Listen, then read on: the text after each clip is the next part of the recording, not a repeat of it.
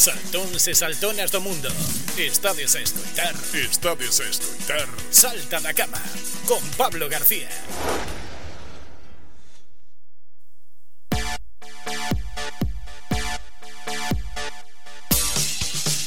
E benres o corpo sabeo, temos ganas de festa, temos ganas de mover o esquelete, e temos ganas de lembrar a nosa historia, por, para, como digo sempre, non para saber a onde imos e saber onde estamos. Esta semana pois foi un tanto así. E, onte falábamos con Pilar Martínez, a, que fora homenaxeada pola UGT como mm, a presidenta do Comité de Empresa de Cedonosa, e comentábanos esas cousas, non, deses comezos de que cando tiñan que ir ao médico despois tiñan que recuperar as horas extra, de, bueno, horas extra, horas extra, deso non existía, non?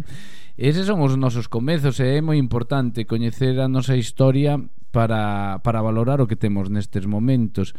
Na estrada hai grandes músicos, pero os grandes músicos eh, tiveron uns, uns precursores, non? Sen os que eh, hoxe non estaríamos aquí. E hoxe justamente vamos a, a intentar darlle un pequeniño homenaxe na medida das nosas posibilidades aquí nos salta da cama a eles. Visítannos Carlos Campos, moi bo día. Hola, bons días. E temos a Manuel Castedo. Que tal, Manuel? Bos días. Manuel rise porque xa sabe o que lle vou a decir. Manuel xuntouse cos chiquis porque estaba cansado de ser el o maior de todas as bandas. Entonces, agora xuntouse cos chiquis neste concerto homenaxe a Manuel Sil a Miguel Silva, perdón, para que Manuel fose o máis o máis novo, non? Equivoco meu non? Non, non, é certo. E faltando Luis Rey que ven agora que, que tivo que sair un momentiño a ver se chega a, a tempo. E o que decía, non vos fostes os precursores do, do rock aquí na estrada cando, bueno, non, non se bebía unha guitarra eh, nin de broma, fostes os primeiros en ver unha guitarra en formar unha agrupación de rock naquela polos anos 60, non? Pois sí, a primeira guitarra que vi na miña vida trouxo Antonio desde Madrid chegar a, a daquela que el estudiaba nun colegio da Guardia Civil o pai era Guardia Civil e, e cando chegou que estaba traballando aí na de Igrovi Uh -huh. E a primeira guitarra xa digo que vin unha guitarra eléctrica que dei bah, porque aparte que me eu non entendía que a guitarra se non estaba enchufada non sonaba. Daba as cordas e aquilo non sonaba. E dicía, pero isto que tal, non, isto hai que enchufarlo hai que darlle uh -huh E dixe, bueno, e aí, aí de, de, de, con esa guitarra naceu toda a historia. Naceu toda a historia do de, de da música, bueno, da música nosa, da, dos chiquis, que nós ao principio non éramos os chiquis, nós eh, Antonio, eu e máis un chaval que que se chamaba José Manuel Rodríguez Piernas era fillo dos profesor vivía ali en Villa Brasil, por aí por Villa Brasil. Uh -huh. Tocaba moi ben a guitarra, entonces pois xuntámonos así para facer unha unha media e puxemos o nome de Jack Men Blues. Jack era aquilo de José Antonio y Carlos, e Men Blues, pois mira, porque ele le lucía de carajo así eso de plan inglés. E aí naceu, actuáramos en Guimarães, actuamos en Arcos de Furcos, actuáramos en aí na zona de Codeseda, na zona de Montillón, aí non sei, un sitio deses, bueno, varios sitios. Hasta que os pais de deste de José Manuel Rodríguez Piernas pois sacaron do, do rollo el estudiar tamén no Deixate de farándula e ponte, sí, ponte en algo ponte, serio, ponte, ¿no? ponte remar, sí. entonces sacaron de toda a historia entonces mm, desfixámonos como aquel trío e dai naceu xa naceron os chiquis pois Uh -huh. eh, eu, eu marchei ao servicio, servicio militar. Eh, entonces nese medio tempo xa se formaron aquí entre Miguel Silva, Juan Goyanes Antonio e o primer batería que xuntaron que tiñan eles era un tal Luis Chau Luis de, de Irmán de Ángel e máis de E, e con este chaval pois montaron un grupo, os chiquis. Bueno, os chiquis en principio non o nome dos chiquis ben é curioso porque había un chaval que xa morreu eh, en ali na de Igro, en Igrovi que era un tal Julio Mosquera. E sempre, sempre dicía Chiqui e sempre Chiqui e dixo, oye, por que non lle poñen? Pois pues mira, chiquis, que con chiquis xa están os chiquis e el ao principio andaba con nós iba con nós a a, así a, donde íbamos a actuar por aí tal, el viña sempre con nos a, Era o, era o, o primeiro no, grupo. O, o, o primer manager que tuvemos. ah, era así, sí, o primer manager. Como o quinto Beatle, pero era... o primer manager. Logo despois xa cando se formaron os chiquis como chiquis, no, xa el xa o deixou tamén, eh, bueno, deixou, non, non tiña que deixar nada, pero Quero dicir que xa empezamos xa cun rollo máis tal, eu estaba xa digo, estaba na mili, entonces cando había actuación ou unha cosa desas, pois chamábame, eu si podía vir, pois viña e tocábamos o Luis Chau as cancións de salsa e eu as cancións de rock. Pero bueno, Luis despois xa marchou a estudiar para Santiago e xa quedei eu solo como batería, xa pum. Eu, Antonio, Juan Goyanes e Braulio. E Miguel era un, o manager, o, o, o Roadman, o home de, o home, o home, de, o home de ruta, o home de ruta. Bueno, eh... E así foi a, a historia, o sea, o nacimento dos chiques aí, aí naceron. Aí naceron e, bueno, a partir de aí botamos uns cuantos anos, mm, eh, cambiamos xa nesa primeira época eh, botamos un tempo xa con Juan e máis contact despois marchou o primeiro marchar primeiro en irse foi Juan Juan deixou no Entonces entrou Javier, un tal Javier García Andrade, que por certo agora está ensayando con nós, eh, tamén eh, hoxe tocará un par de cancioncillas ali de Ajá. no, o baixo. E despois marchou Braulio, entrou Manolito Barral no sitio, e logo marchou xa cando xa máis adiante xa a punto de bueno, a punto non quinta voltamos dar, tuvemos un saso un, un chaval que tocaba na banda de música e traballaba de carpintero na de Goldar chamase Manolo e daquela foi un mellor a mellor época así da, xa, cun saso parece que non pero lle daba un aire así de máis xa de a grupo E despois marchou Gali, que Gali marchou xa para Pontevedra a traballar, ou para Santiago, para Pontevedra ou para Santiago, non sei para onde foi primeiro, xa no banco, entonces entrou Alfonso Isla. Alfonso Isla entrou de guitarrista de, de, de tal, e así estuvemos hasta hasta on, os 69, me dio, 69, non así, que, que a Mili, Miguel marchou para Mili, Antonio marchaba para Santiago, outro marchou para non sei onde, entonces hubo que desfacelo. Xa non non había posibilidade de seguir xuntándonos nin de historias. O vas, sea que... vas contando a historia dos chiquis e eh, estás contando a historia dun pobo Bueno. Porque eh, estás falando de Igrobi, estás falando de ir ao servicio militar, que a rapazada que nos escoita son allá chino. Sí, exactamente. ¿no? De ter que ir estudiar que... fora. Sí. Eh, moitos de vós tamén coñeceredes, bueno, que aquí na estrada pois viña xente a traballar a Fenosa, non? Acordoume a min agora, eh, tra traballastes, sí, non? Sí. Eh, todo, toda es, eso era o que facía as redes sociais de hoxe en día, non? Que, sí. tra que trouxeran esa primeira guitarra, que trouxeran discos, que trouxeran novos estilos musicais, non? Eh, Sala Gradín, que Sala tamén Gradín, foi moi importante Gradín para vos. Era o noso centro de, de actuación. Para ali actuábamos casi sempre. Era o voso Covent Garden, non? Sí, porque... O Albert Hall da Estrada si me la banda residente. Banda residente, do sí, Tigre, efectivamente. Vou, che, vou che contar porque isto aparte de que ten tamén é parte da historia eso. Claro, é Ali, que eh, eh, nos eh, claro, evidentemente necesitábamos unha amplificación para actuar, nos en aquel momento as amplificacións eran fundamentales.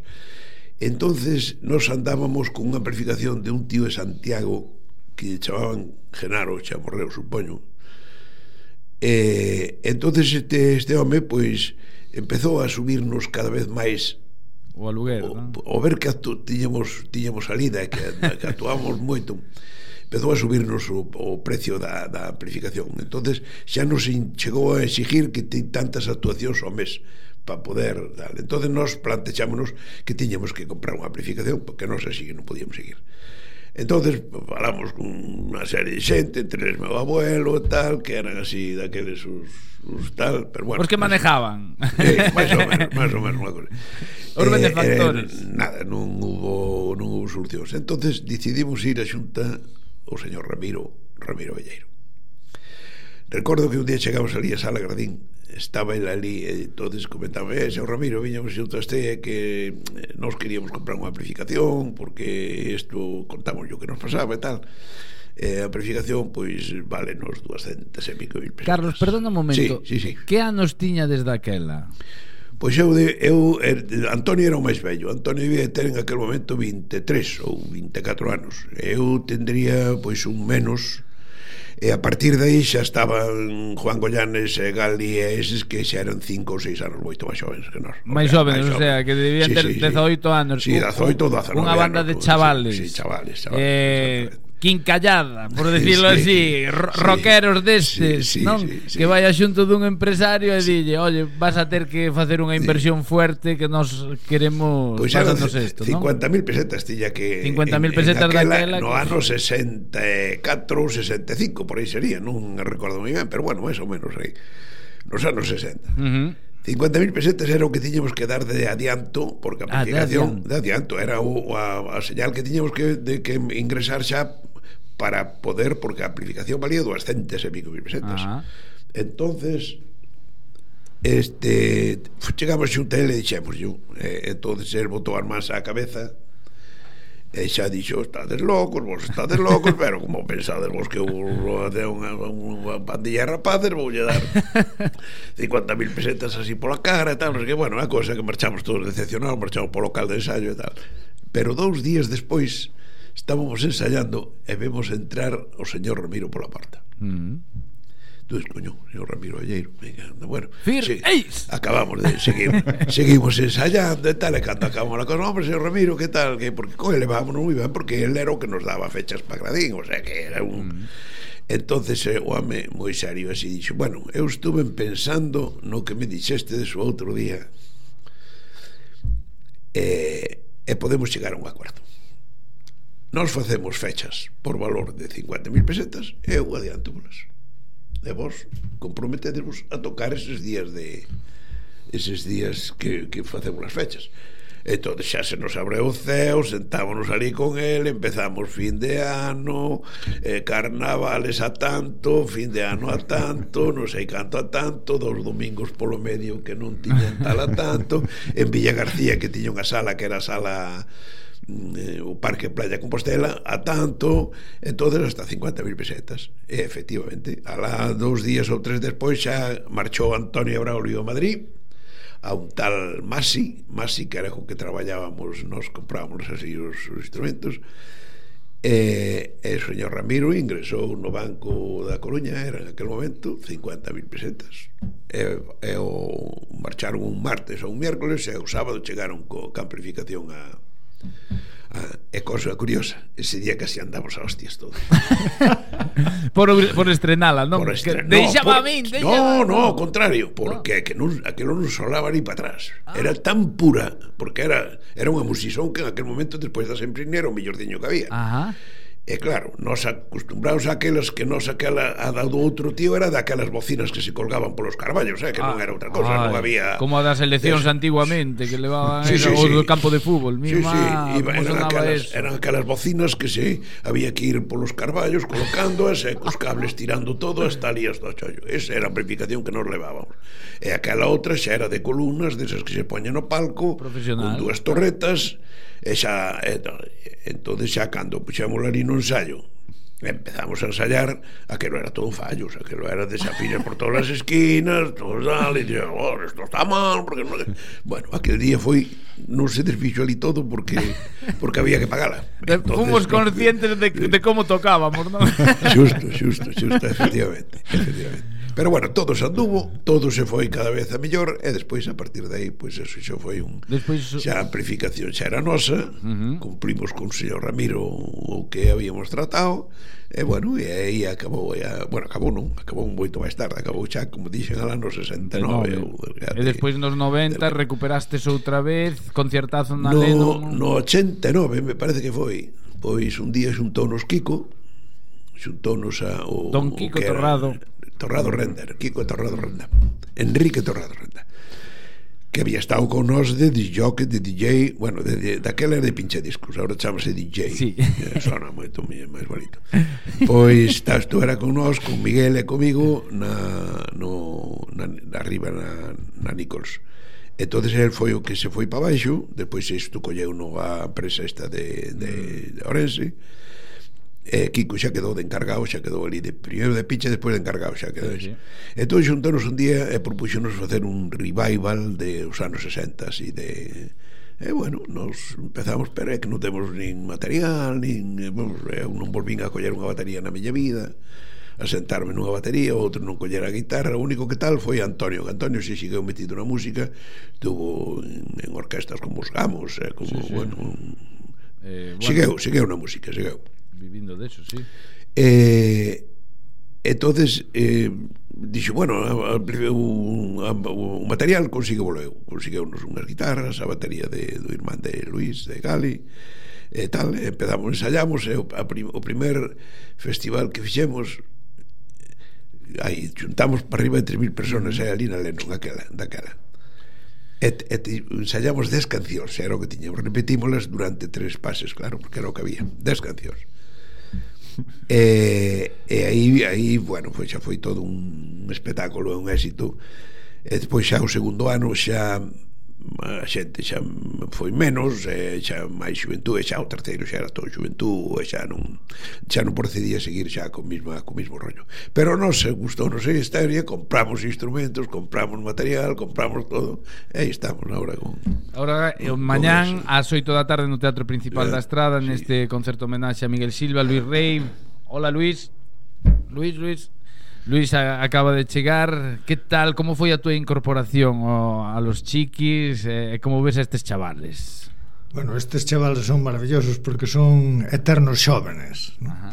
Eu creo que a edad para eles non conta A ilusión por seguir tocando é perfecta E eh, houve un momento en que Carlos eh, Nunha noite destas de festa Que non tiña nada que ver que música Convenceume, non? eu tiña moito medo, sigo tendo, pero eh, a min gustou a música desde, desde neno, uh -huh. eh, inda que non son un profesional e non teño estudios musicales, pois eh, estou moi a gusto, estou feliz eh, nesta, nesta miña época da, da vida.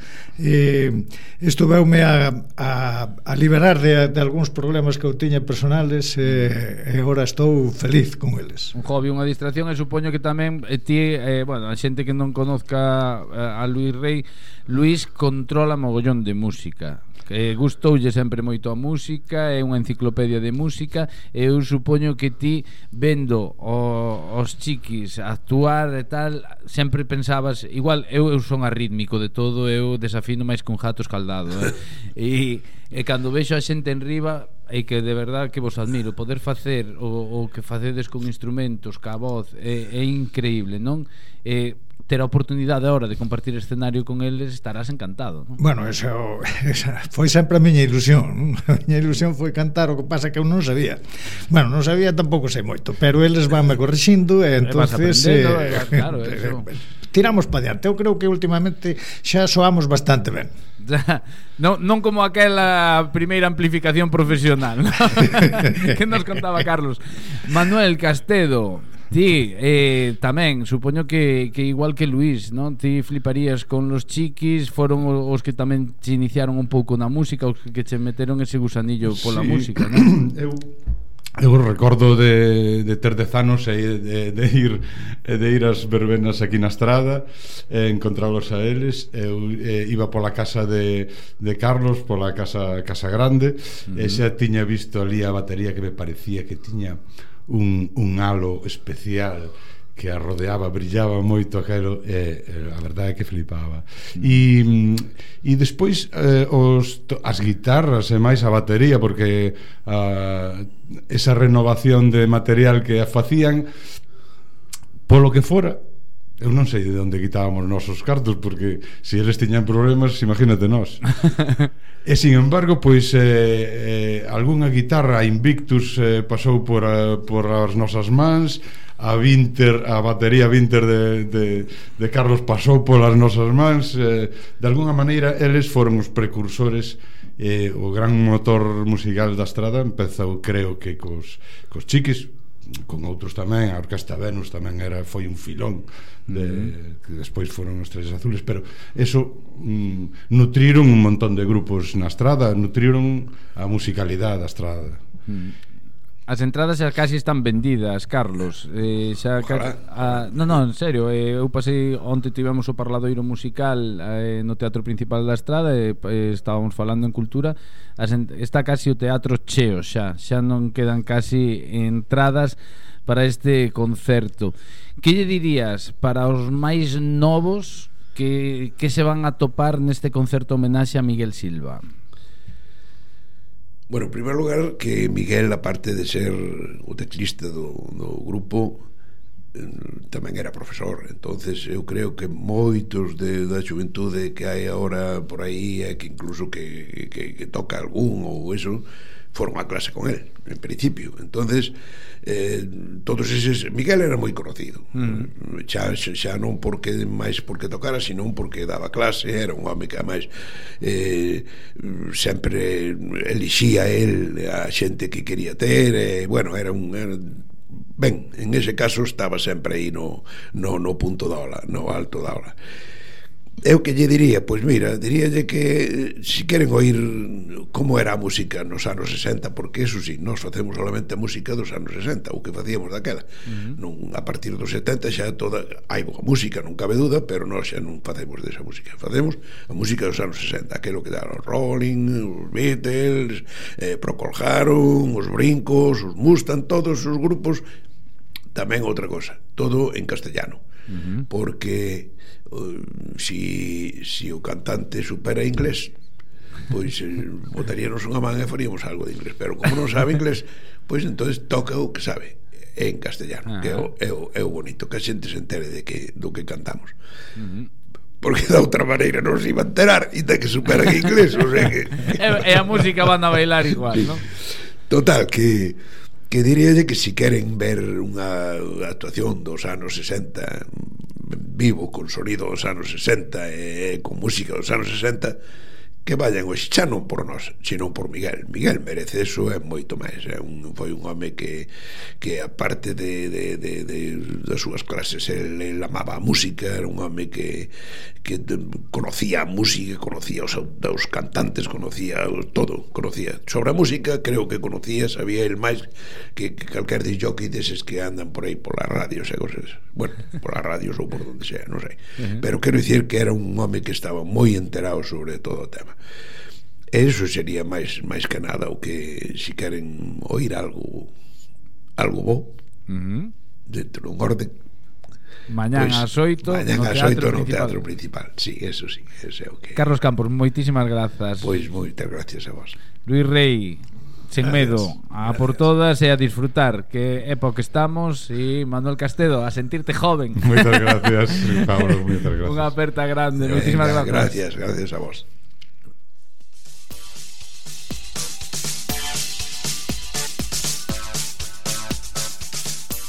Salta da cama no 107.7 da frecuencia modulada e na páxina web radioestrada.com.